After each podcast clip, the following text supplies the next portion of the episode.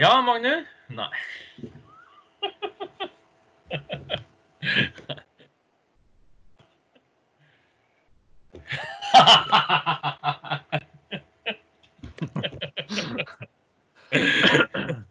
yes.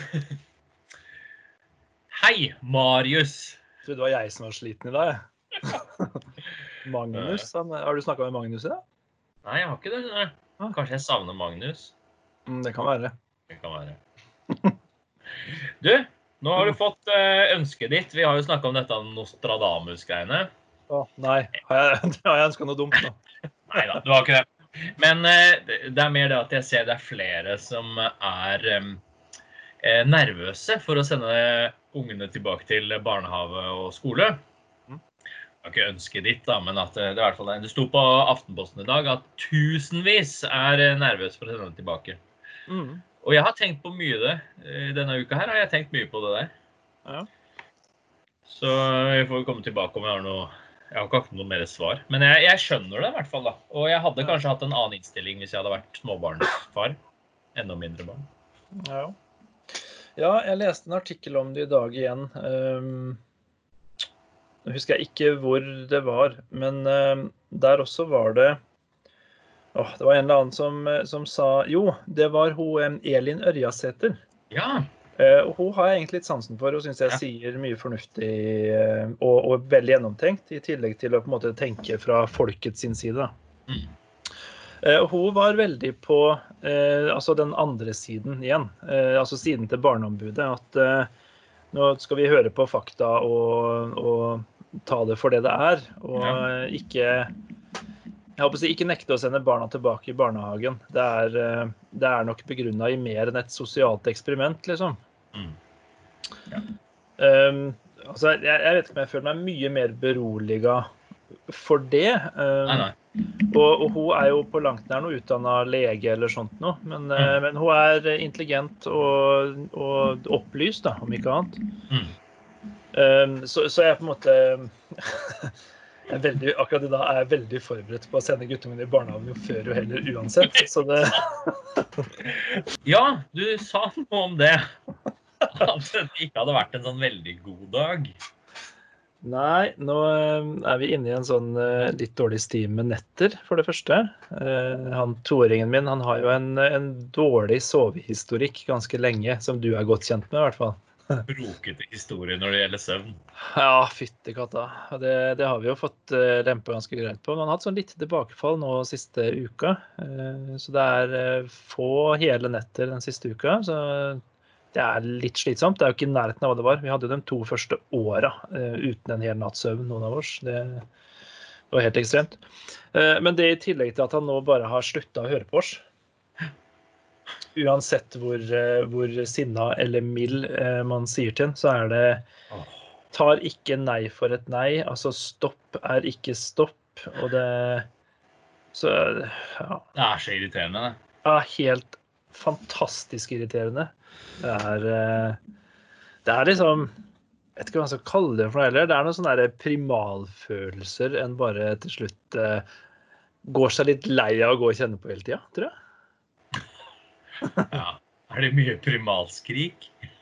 Ikke fra oss, men fra begge barna, for så vidt. Altså, eh, og, og guttungen har, eh, har på en måte nå tatt etter den her samme strenge tonen eh, som, som vi må holde til innimellom da, for å klare å få han til å høre i det hele tatt. Så hvis, han, hvis vi da sier 'sånn kan du ikke gjøre', så kommer den 'Nei, pappa Akebekk'. Pappa Akebekk. Ja, for vi har vel da helt sikkert noen ganger når det har blitt for mye, bare 'Herman Marius Akebekk, nå gir du deg'. Så han har vel snappa opp det at hvis det er alvorlig, da skal vi bruke hele navnet. Så da er det pappa og mamma Akebekk de får gjennomgå, altså. Det hadde vært litt enklere hvis de ikke hadde vært så glupe, de ungene dine. Ja, kanskje jeg bare skal trøste seg med det, at det viser bare at de faktisk følger med og lærer seg et par andre ting. Og tenker sjøl. Ja, som jeg nevnte i en episode her tidligere, når, han, når guttungen på to sitter og rollespiller med et rundstykke, liksom. Jeg vet ikke om det er et tegn på at han er så smart, jeg, kanskje. Ja, god fantasi der, da. Mm. Ja, det er jo det. Og det har jo hun der lille frøkna òg, liksom. Så det, ja. Men han har jo ikke så veldig sånn stor verden, da. For det var jo et rundstykke som skulle være deg. Sånn at, ja, og det, det, går jo også litt tilbake til det vi snakka om, det, det, med at han på en måte skal tilbake i barnehagen igjen. For hans del tror jeg det er veldig bra, med tanke på at han nå har vært mer eller mindre innelokka her, og dem han har sett, har vært søstera si, mammaen og pappaen sin og hun ene nabojenta. da. Mm. Eh, og det er på en måte dem han liksom har hatt noe sosial kontakt med på nå snart sju uker, med tanke på at han jo, som jeg har nevnt tidligere, var sjuk i to uker før det lockdown. da. Så han har jo på en måte gått her hjemme i seks, snart sju uker og ikke sett andre folk. Og det tror jeg tærer litt både på han og på oss, rett og slett. At det eh, ja, blir litt vel, kanskje. Ja. Det er liksom Det er den. Det er koselig, men Ja, det, det er jo veldig hyggelig å ha mer tid sammen, men nå har han på en måte og det, det, blir jo litt sånn fordi altså, dattera vår er jo ekstremt selvstendig, da. Eh, det er jo vel og bra, det, altså. Eh, men, men, når det krasjer med på en måte ting som må gjøres, da, sånn som at skolearbeid nå, det skal gjøres på samme måte som om du hadde vært på skolen. Det er veldig vanskelig å forstå når man går hjem, men det blir en helt annen oppfatning av det. Og det skjønner jeg jo på en måte veldig godt, da. Uh, samtidig så er det på en måte det, det å måte, hjelpe til å drive denne saken. Og når hennes fantasi på en måte spinner helt ut av kontroll, i tillegg til alle disse distraksjonene på iPaden, hvis det spretter opp en melding der, så er hun ute av matteboka direkte, liksom. Uh, så blir det på, det er så mange elementer som blir en sånn som har et, et, et snev av masing i seg. Ja. Og, det, og vi er lei av å mase, og hun er lei av å bli masa på, og da blir hun irritert. Og hun er den største helten til toåringen. Ja. Så da snapper han det opp, ikke sant. Og så, ja.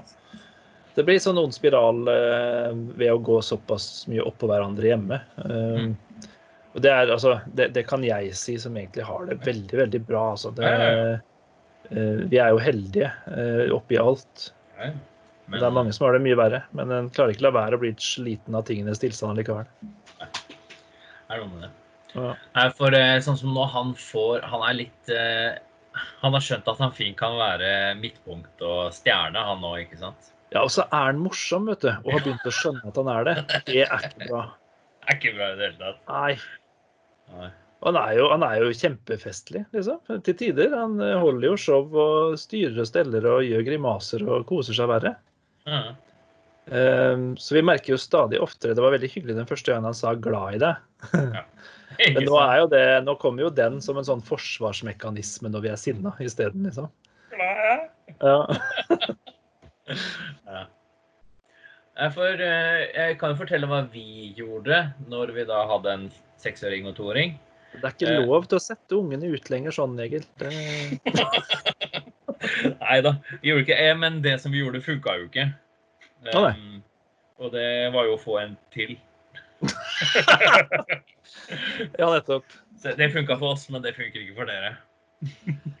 Nei, eh, det tror jeg ikke er en strategi jeg kommer til å gå for, rett og slett. Og ikke sånn plutselig heller, liksom. Hvis du skulle kommet til nå. Nei, det vet, jeg tror jeg ikke jeg har lyst til å forfølge tanken engang, for å være helt ærlig. Da, men så, sånn seriøst så er det eh, Som du sier, da, det er litt problematisk at han har eh, hva skal jeg si, den historien med søvna hans. da. Søvna. Fordi da med en gang det er noe nå, da, så sitter, nå sitter du liksom i ryggmargen deres. Nå, nå blir du trøtt da etter et par dager, men så er det jo også den ikke bra mennesker av at eh, den tanken kommer inn igjen, ikke sant? Så bare Nei, det er sånn igjen. Ja, det har vært et par av de nettene har vært liksom ordentlig sånn flashbacks. Altså, hvor det på en måte, vi har vært oppe seks og sju ganger i løpet av natta eller blitt vekk. da. Hvor du til slutt bare liksom roper ned at nå er det natta, nå skal du sove. Og på en måte bare må en la ligge og grine, for det er ingenting vi gjør som hjelper uansett. da. Så um, ja. Nei da, det er en, eh, en, kombinasjon av himla mye. Men det er jo bare Ja, vi får bare prøve å overleve. Mm. Skal jeg fortelle hva som er enda mer irriterende? Ja, gjør det. Det er sånn da sånn som meg, som da har ikke barna her i den alderen lenger, som sier det er bare en fase. Det går over. Ja, ja.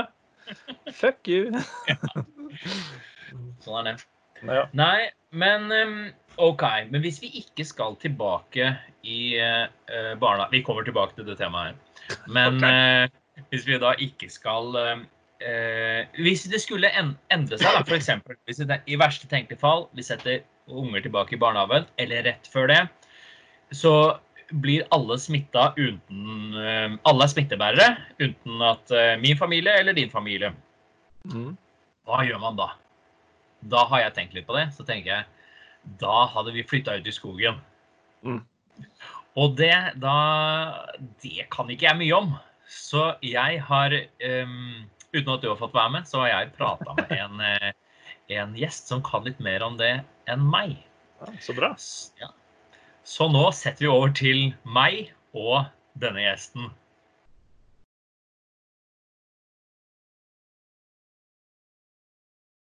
Jeg har tenkt på en ting, så derfor har jeg invitert deg i dag til podkasten vår.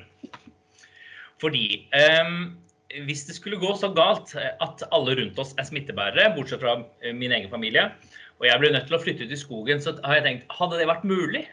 Og for hvor lenge? Så i dag har vi med oss en ekspert på området. vi har ikke det, men vi har med en gjest i dag som har hakket mer peiling på uteliv enn meg. Hei, Ingvild. Hei, Egil. Vil du si noen ord om deg selv? Ja. Nå har du sagt, sagt, eller kalt meg for en ekspert på uteliv. Eh, den ekspertisen den går i hovedsak til en speiderbakgrunn. Ja. Som gjør at ja, jeg har litt erfaring og har vært en del på tur. Men utover det så tror jeg vel ikke det er så mye mer. Men uh, om det er mulig å bo ute? Ja, det er det jo absolutt. Jeg tenker kanskje det krever litt planlegging. Men uh, hvis det skulle bli så gærent, så har, vi vel, får vi noen forvarsler, tror du ikke det? Så vi kan planlegge litt?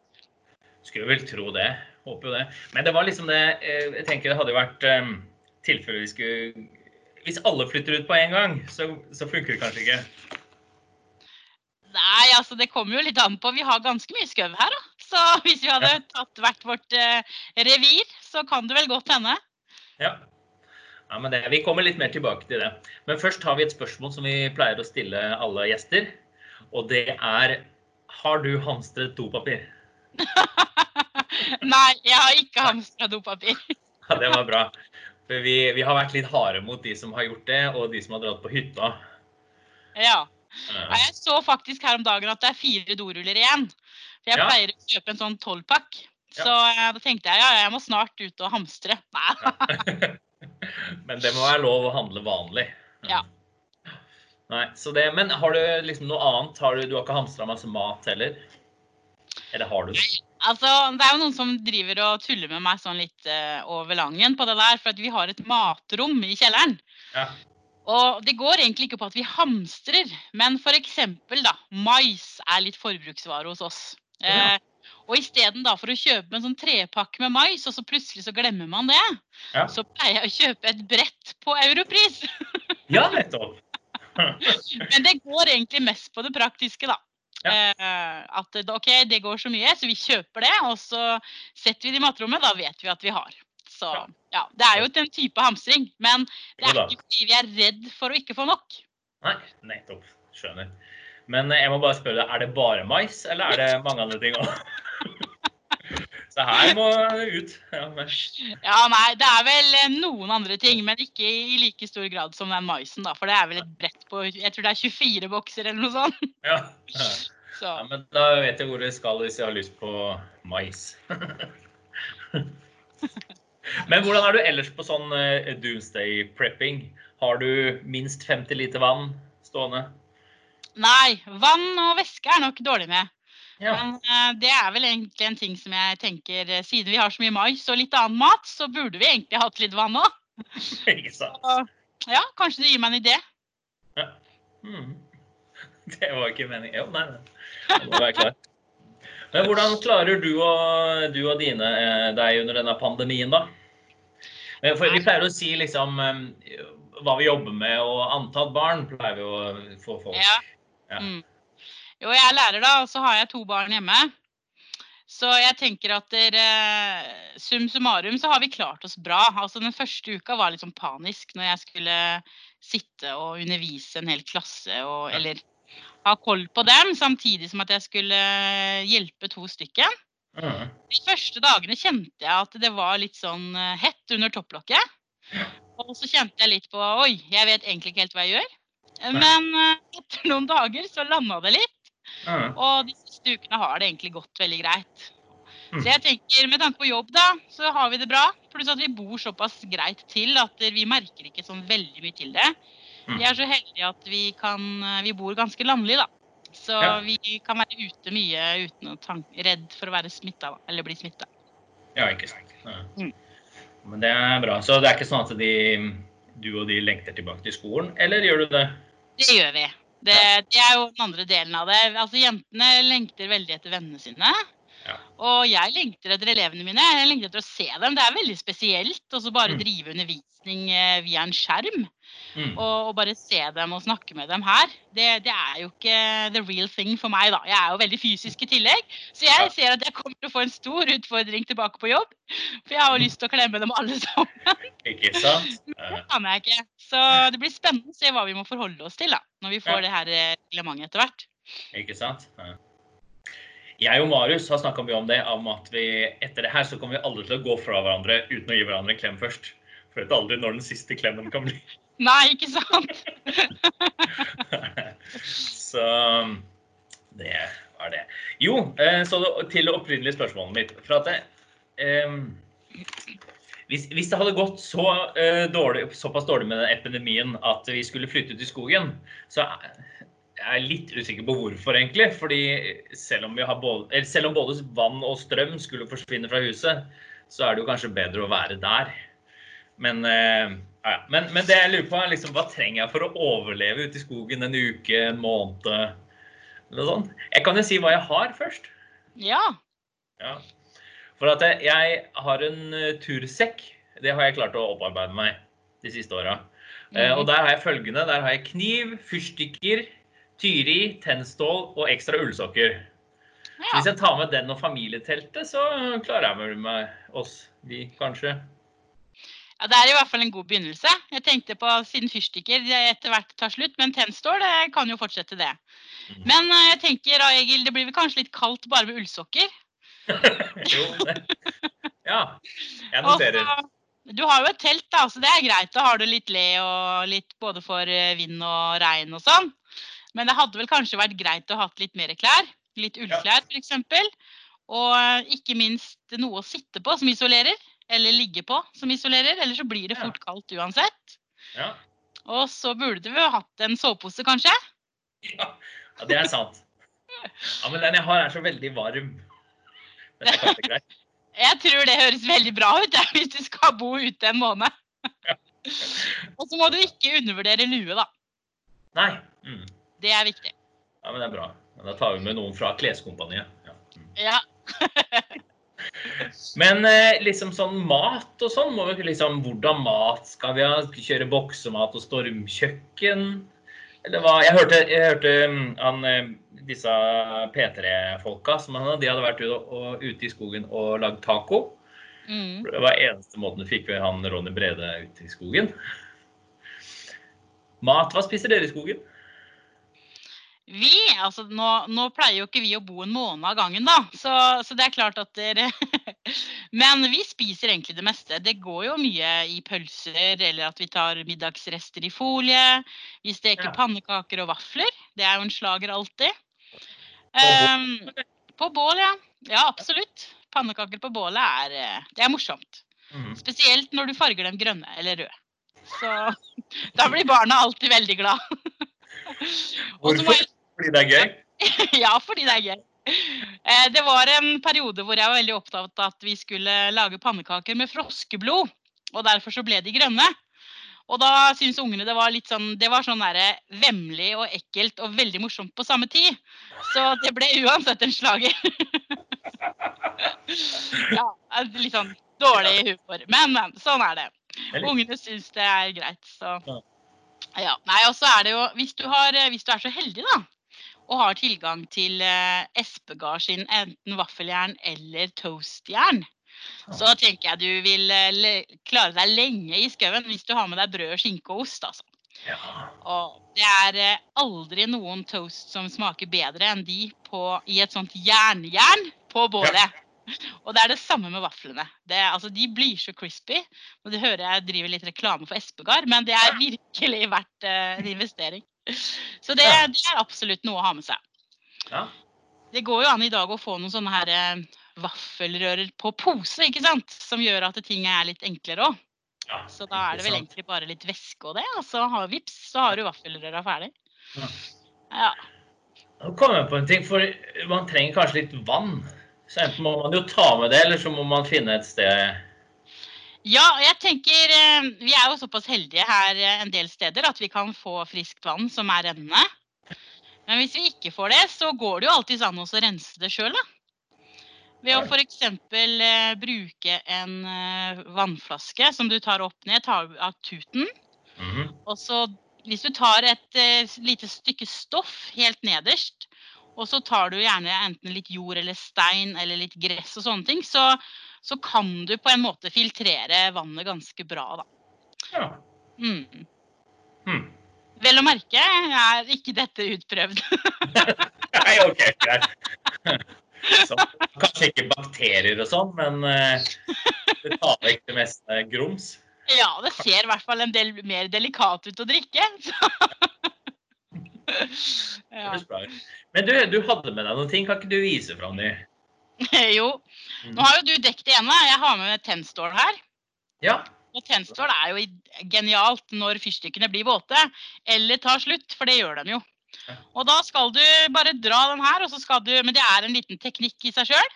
Ja. Men da skal du få, få gnist som gjør at eh, hvis du har litt f.eks. bjørkenever eller litt eh, tørt gress eller sånn der, så tar det fyr og er eh, eh, håper å si, grunnlaget for et bål da, som er nødvendig. Det tenker jeg er kjempenødvendig. Hvis du skal bo ute, så må jo alt eh, lages og tilberedes på bål av varm mat og, og sånne ting. Da. Inkludert å gi litt varme. Ja. Mm. Ikke sant. Så ja, men det, det er bra. Og så har, har du Ja, det er et sånt spørsmål som jeg har skjønt, fordi jeg har holdt på med litt, eh, litt tur i det siste etter at jeg begynte å jobbe på skole. Men så Ja. er det, sånn, det er evig diskusjonen eh, kniv eller eh, liten øks. Da sier jeg ja takk, begge deler. Begge deler, ja. Det du kan gjøre, da, det er jo å skaffe en sånn her. Ja. En sånn type samekniv, for den er litt begge deler i én. Den er såpass stor at den er absolutt en god kniv. Ja. Men den er også ganske kraftig, så du kan f.eks. fliser og sånn kan du hogge fint med den her. Ja. Uh, ellers så er jeg vel fortsatt at jeg tenker at ja takk, begge deler. Men det fins jo økser da i ganske liten uh, størrelse. Det her er en turøks. ja. Og uh, ja, som du ser, så er det et minne fra, fra Idvan, hvis det var det du prøvde å lese. Så absolutt, den er, godt, den er god i bruk. Den er veldig ofte med på tur. Og det fins også en såkalt tursag. Den er også veldig liten. Fin, ta tar enkel plass i sekken. Den anbefaler jeg også. Så det er en del enkle hjelpemidler da, som man kan ha med, som, eh, som gjør livet litt enklere i skogen. Ja. Mm. Da, telt, hvis man ikke skulle ha telt, er det noen annen måte å overnatte på, eller må man ha telt? Nei, man må jo ikke det. Jeg tenker spesielt den tida her, da. Vi er jo litt Ja. heldige med korona sånn sett, da. At akkurat nå hadde vi klart det ganske bra, tror jeg. Eh, lage seg en gapauk f.eks., eller bare trekke opp en presenning. Eh, man kan jo lage en gapauk av tømmer f.eks., eh, og stokker og sånn. Ja. Eller så kan man som sagt bruke bare presenning, da. Det kommer litt an på. En måned Det meste går jo for en måned hvis du bare er varm. Så mm, Ja. jeg tenker bekledning og at du kan holde deg tørr, er det viktige, da. Ja, ikke sant. Og en god sovepose. Så den varme, den er nok å anbefale. Så bra. For eh, familien, gutta i familien min har begynt å ønske seg sånn hengekøyer. Ja, Jeg lurer på om vi, vi var, jeg var ikke med da, men det var, de var på kanotur med noen i fjor. Og da tror jeg det var noen som eh, hadde hengekøyer som de ble litt inspirert av. ja, det stemmer vel, da. Siden jeg var den som var med på kanotur, så kan jeg kanskje si noe om det. Ja, gjør det. Nei, altså vi var jo på tur i Vannsjø, og da vi kom padlende, så så vi veldig mange friske farger mellom trærne. Og da var det rett og slett noen som hadde campa, satt opp camp og hadde disse, hengt opp disse her eh, hengekøyene. Mm. Så um, mine jenter har jo ønska seg det og fått det til bursdag, så neste kanotur blir det nok hengekøyer. Og det er absolutt en slager. Jeg tenker de hengekøyene du får i dag, da, det, da kan du få em, med myggnetting. Og så kan du også få med tarp. Og det er klart, hvis du skal overleve en måned i hengekøye ute i skogen, så er det en fordel at du har et tarp over. Et tarp er jo på en måte som en presenning, som et lite tak, da. Ja. Uh, og jeg tenker at med det så klarer du deg fint. Nei, Jeg har, har begynt å lukte litt på det. Selvfølgelig, jeg, Nå fant jeg meg en turstol som var XL og behagelig. Som det jo gikk an å bære med seg likevel. Kanskje ikke på sånn. Men da, så da skal jeg begynne å lete etter en hengekøye XL nå. Ja, jeg tror du er godt innafor, Egil. fordi at eh, jeg tror det er 200 kilos uh, vektgrense, så det er nok greit. Da går det greit. Det er bra. Tau har jeg skrevet opp her. Trenger vi det? Ja, du gjør jo det. Altså, spesielt hvis du skal lage deg en gapauk, da, eller henge opp ting og sånn, så er det absolutt greit. Du må kanskje vaske litt innimellom. Du kan bruke tøv fra alt som til å bygge, til å henge opp til en vaskeline, til å lage noe for unga å leke med ute i skau- skauen der. Ja. Det tenker jeg jo faktisk, Skal du bo en måned i skauen, så er det jo, ligger det jo an til at man kanskje lager en sånn liten lekeplass. da, Eller hva tenker du om det? Oh, det er sant litt sånn hinderløype og sånn. Ja. Ja. Man må jo liksom stor. Mm. ja, Man må bedrive tida med noe annet enn å bare båle. Ja, Det er sant. Og vi som har kjeda oss nå en måned hjemme, liksom. Vi har jo ikke det, da. Men da ute i skogen så blir det enda mindre å gjøre. Ja, det kommer og an på. Jeg er ikke helt enig, egentlig. Eh, Det fascinerer meg sånn når unger er i skauen, så aktivis aktiviseres de jo veldig fort uten å krangle. Jeg vet ikke om du har merka det, men eh, det er mange mindre konflikter på skogstur enn det er hjemme. Det er sant. Det er jo inne som, de har, som vi i så fall har kjeda oss. Ja. Ja. Mm. Så sånn sett tror jeg det lover eh, Det ligger an til en ganske sånn fredsommelig måned ute i skogen. Ja, men det, det høres egentlig veldig bra ut, det. Mm. Nok klær. Jeg har notert en en del ting nå, så det er bra. Ja. Men vi har en liten utfordring da, Egil. Oh, ja. Fordi at eh, hvis vi skal flytte ut akkurat nå, så er det jo faktisk bålforbud. Oh, Mm. Så det må vi løse Ja. på en eller annen ja. måte. Dritt, da gidder vi ikke allikevel. Å nei, eller tror du det er en løsning på det? Ja da, det er alltid en løsning på det meste. Så jeg tenker bare med litt planlegging så må man da bare bruke primus eller stormkjøkken i, i stedet, da. Men da trenger du litt eh, drivstoff, litt brennstoff, da. Ja. Men som sagt, med litt planlegging så går det fint. Da kan du jo egentlig lage det meste. Ja. Mm. Kan det. Så bra. Jeg tenkte litt på en annen ting òg, for det, det er jo noe med at vi, vi snakker litt om hva vi kan spise i skogen. Og, og det spørs jo hvor ofte. altså når, I denne lockdownen, la oss si at du må hamstre da, rett og slett nå fordi at du, du blir boende såpass langt ute i skogen at det ikke bare er å dra på butikken. Da må du jo planlegge på en litt annen måte. Men da tenkte jeg kanskje man kunne rett og slett tatt med seg 20 høns. Ja. Ja, og så kunne man hatt de der ute i skogen, og så kunne man på en måte bare kakka de da, etter behov. Og da lærer man virkelig å kjenne litt på den her eh, måten å leve på, som er litt fremmed for oss, i hvert fall for meg. ja, OK. Så det er ikke noe hverdags, det er ikke noe du er vant til? Nei, det er jo ikke det. Jeg tror det blir en ganske bratt læringskurve for, for oss, i hvert fall. Jeg ser for meg jeg står med han eh, åtteåringen og så bare Ja, er du sulten, eller er du ikke? Sier jeg til han. For jeg tør ikke å ta han. Ja. Jo da, men det Ta med hoggestabbe, da. Ja, det vi trenger ikke å ta med hoggestabbe. Nei, Det tror jeg du finner der ute. Men det er greit med en øks da, eller en sånn type kniv, Mm. sånn at du ikke bommer. Ja. Det er heldig da, kanskje du får noe egg og sånn òg, de som eh, ikke er middag. Ja, alle kan jo ikke være middag på en gang heller, så jeg tenker du holder jo ganske lenge, da. Det godt Mhm. Ja. Må holde reven unna, da. Det Rev. er en, ja, reven må jo holdes unna. Det blir jo en utfordring. Kanskje større enn hjemme. Ja. Du har 20 høns der ute i skauen. ja, det er sant. Det er kanskje andre dyr også der, er det det? Ja, det vil jo være avhengig av hvor du er, selvfølgelig. Men jeg tenker i området hos oss så er det jo villsvin, da. Men da kanskje man rett og slett kan få, få skutt noen villsvin og, og hatt litt villsvinsteik. De sier jo det er veldig godt, da. ja. Ja. ja. Jeg ser bare muligheter her, jeg. Ja, det gjør jeg jo. Ja. Absolutt. Jeg tenker til og med reven. Altså, nå har ikke jeg hørt om noen som spiser rev, altså av mennesker. Jeg har aldri eh, tenkt det sjøl heller, men i nødsituasjoner er jo alt mulig, så hvorfor ikke? Ja, det, ja, det høres bra ut. Har du noen mer tips, eller? Eh, noe mer tips? Jeg tenker Det hadde jo vært greit å kanskje hatt med seg et førstehjelpsskrin, da. For, Det eh, ja. det kan jo gå litt hardt for seg noen ganger hvis man bommer på den hønehuet og tar fingeren isteden, liksom. Så det er jo ganske nytt for oss, er det ikke det? Jo. Så det kunne vært greit, tror jeg. Um, og så er det jo en ting som jeg bare tenker vi må ha, da. Det er den her. her. Ja, ser du. Ja, den, den kan du bruke både på bålet og på primusen. Det er ingen hindring noe sted. Er ingenting som når den bobler og gir litt godlukt ute i skauen. Da, da er det fryd og gammen uansett, da. Det er det. Ja, det er viktig. Først kaffe, og kaffe etterpå, da. Ja, ja det høres bra ut. Mhm. Nei, men det, Der fikk jeg noen gode tips du. Har du noe mer du vil tilføye før vi Ja, jeg, tenker, jeg tenker kanskje du skulle hatt med et kompass. Ja. Bare litt lite, da. Men eh, ja. Jeg mener det når vi først skal ut i eh, den store villmarken og kanskje spre oss ganske bra, og i tillegg skal begynne å lære oss dette med jakt og sånn, så ser jeg for meg at man kanskje litt, eh, blir litt sånn vill og gæren og bare løper etter en del dyr. Og så plutselig vet man ikke hvor man er. Og da kan det jo være greit at man har et kompass og muligens et kart, så man kommer trygt tilbake til basen. Det, det er ikke så dumt, da. Det blir seint der. Jeg har mobilen med meg, da.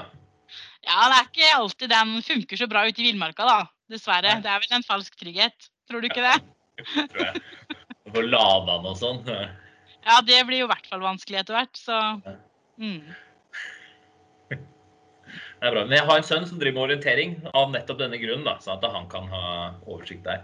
Ja, så bra. Det er godt forberedt, da, Øre. Mm. Mm. Plan, planlagt sånn. Ja. mm. Nei, men det var bra. Da fikk jeg mye gode tips. Og da blir det nok eh, skogstur på oss, i hvert fall. Mm. Så får vi se om det blir en måned. Det spørs vel. Ja, det spørs vel det, men eh, det kommer vel litt an på hva som skjer videre. Ja. Jeg ønsker deg i hvert fall veldig lykke til. Tusen Og jeg takk for tenker det. at blir det en måned i skauen, Egil, så er det en opplevelse dere kommer til å huske hele livet. Ja, det er jeg sikker på. Det er bra. Nei, men da får jeg gå og pakke. Så sier jeg takk til deg. Mm. Bare hyggelig. Lykke til, da. Takk. Og god tur. Yes. Ha det. Ha det. The Lockdown er laga av private personer som diskuterer sine opplevelser og erfaringer med nedstenginga av landet, og vi er på ingen måte noe retningsgivende eller rådførende organ. Der henviser vi til Folkehelseinstituttet og Helsedirektoratet. Hvis du vil ha mer materiale fra The Lockdown, hvor går du da, Egil? Da går du til nettsiden thelockdown.no. Eller så eh, går du på Facebook, Instagram eller YouTube. Ja. Og hvor får du hørt alle episodene i sin helhet? Det får du på Spotify. Vi gjør vårt beste for å holde podkasten innafor vår egen fornuft og meninger, så hvis du er støtt av noe av innholdet, beklager vi dette, men vi unnskylder oss ikke. Uansett tar vi gjerne imot feedback på det vi gjør. Og hvor vil vi ha feedback? Det vil vi på e-post podcast at thelockdown.no. Til neste gang, hold deg hjemme, hold deg frisk, og takk for at du hørte på The Lockdown.